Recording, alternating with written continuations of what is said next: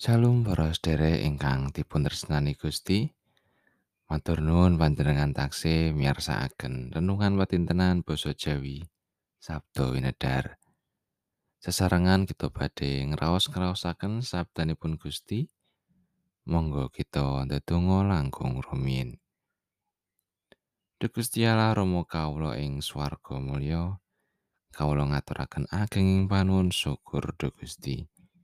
Awit sakathahing berkah paduka ing gesang kawula.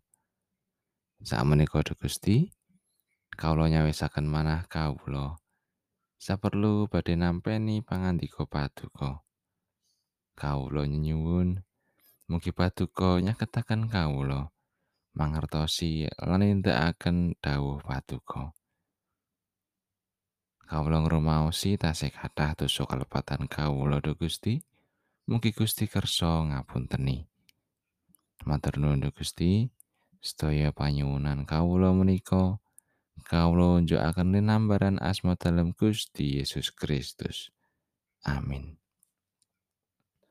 Waosan dinten menika kapendet saking setunggal Korinta bab gangsal welas ayat kalih doso ngantos wolu likur. Nanging kang bener iku ya iku menawa Sang Kristus wis kawungake saka ing antarane wong mati. minangka kang wiwitan saka panunggalane kang wis padha mati.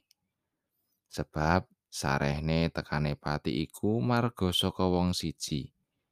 Mangkono uga tangine wong mati iya marga saka wong siji. Awit padha kaya ana ing Rama Adam wong kabeh padha mati, mangkono uga ana ing Sang Kristus. Wong kabeh iya bakal padha kauripake maneh.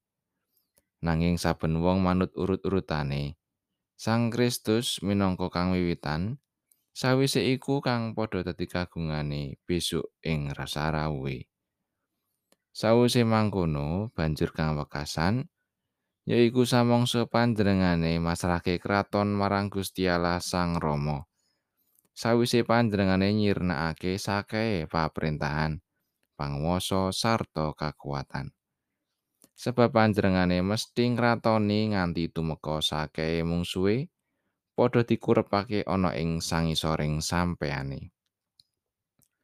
Mungsuh kang pungkasan kang disirnakake iku pati. Ujar samubarang kabeh wis ditelokake ing sangisoring sampeyane.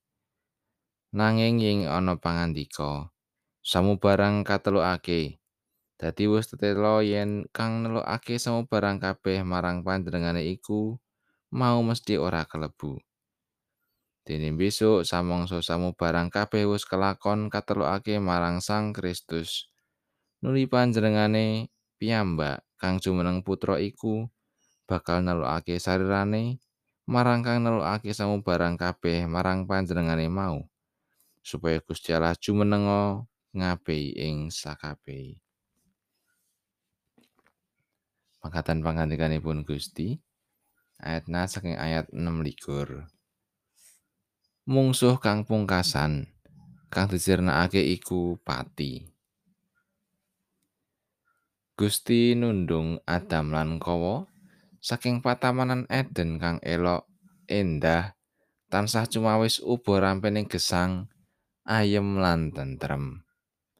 Gusti Allah netepaken lan paring pidana marang sinten kemawon ingkang magayutan kalian panerak ing patamanan Eden. Satemah sedaya kedang lampahi pakuman kanthi kaadalanipun.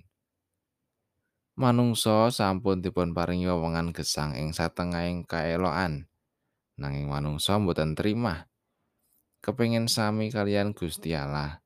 Lantas sing gadahi pepinginan maneka warni sarta mburu hawa nepsuning piyambak. bab menika badhe paring kegambaran ing gesang menika. Pilih manungsa mboten wonten sikep panampi lan raos panerima saking Allah ing kawontenan menapa kemawon. Lan patrap ingkang kados mekaten tundanipun nuwuhaken kasangsaran. Tetelo bilih kalepataning manungsa ageng sanget ing ngarsaning Gusti.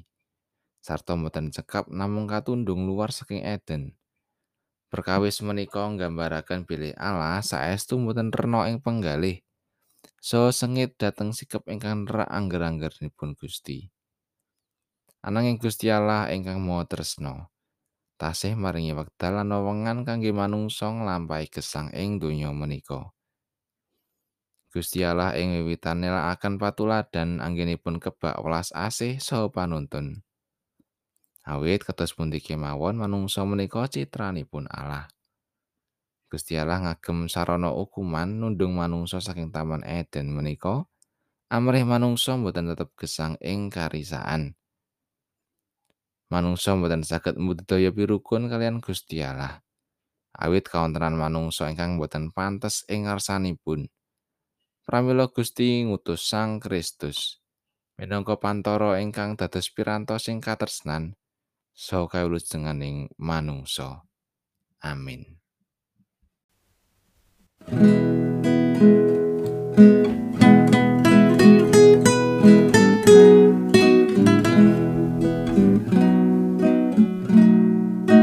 Gusti adawo yen kita sami kinen katya lilin kang amadangi supaya saben wong padang ing ati wang lurake yang mo suci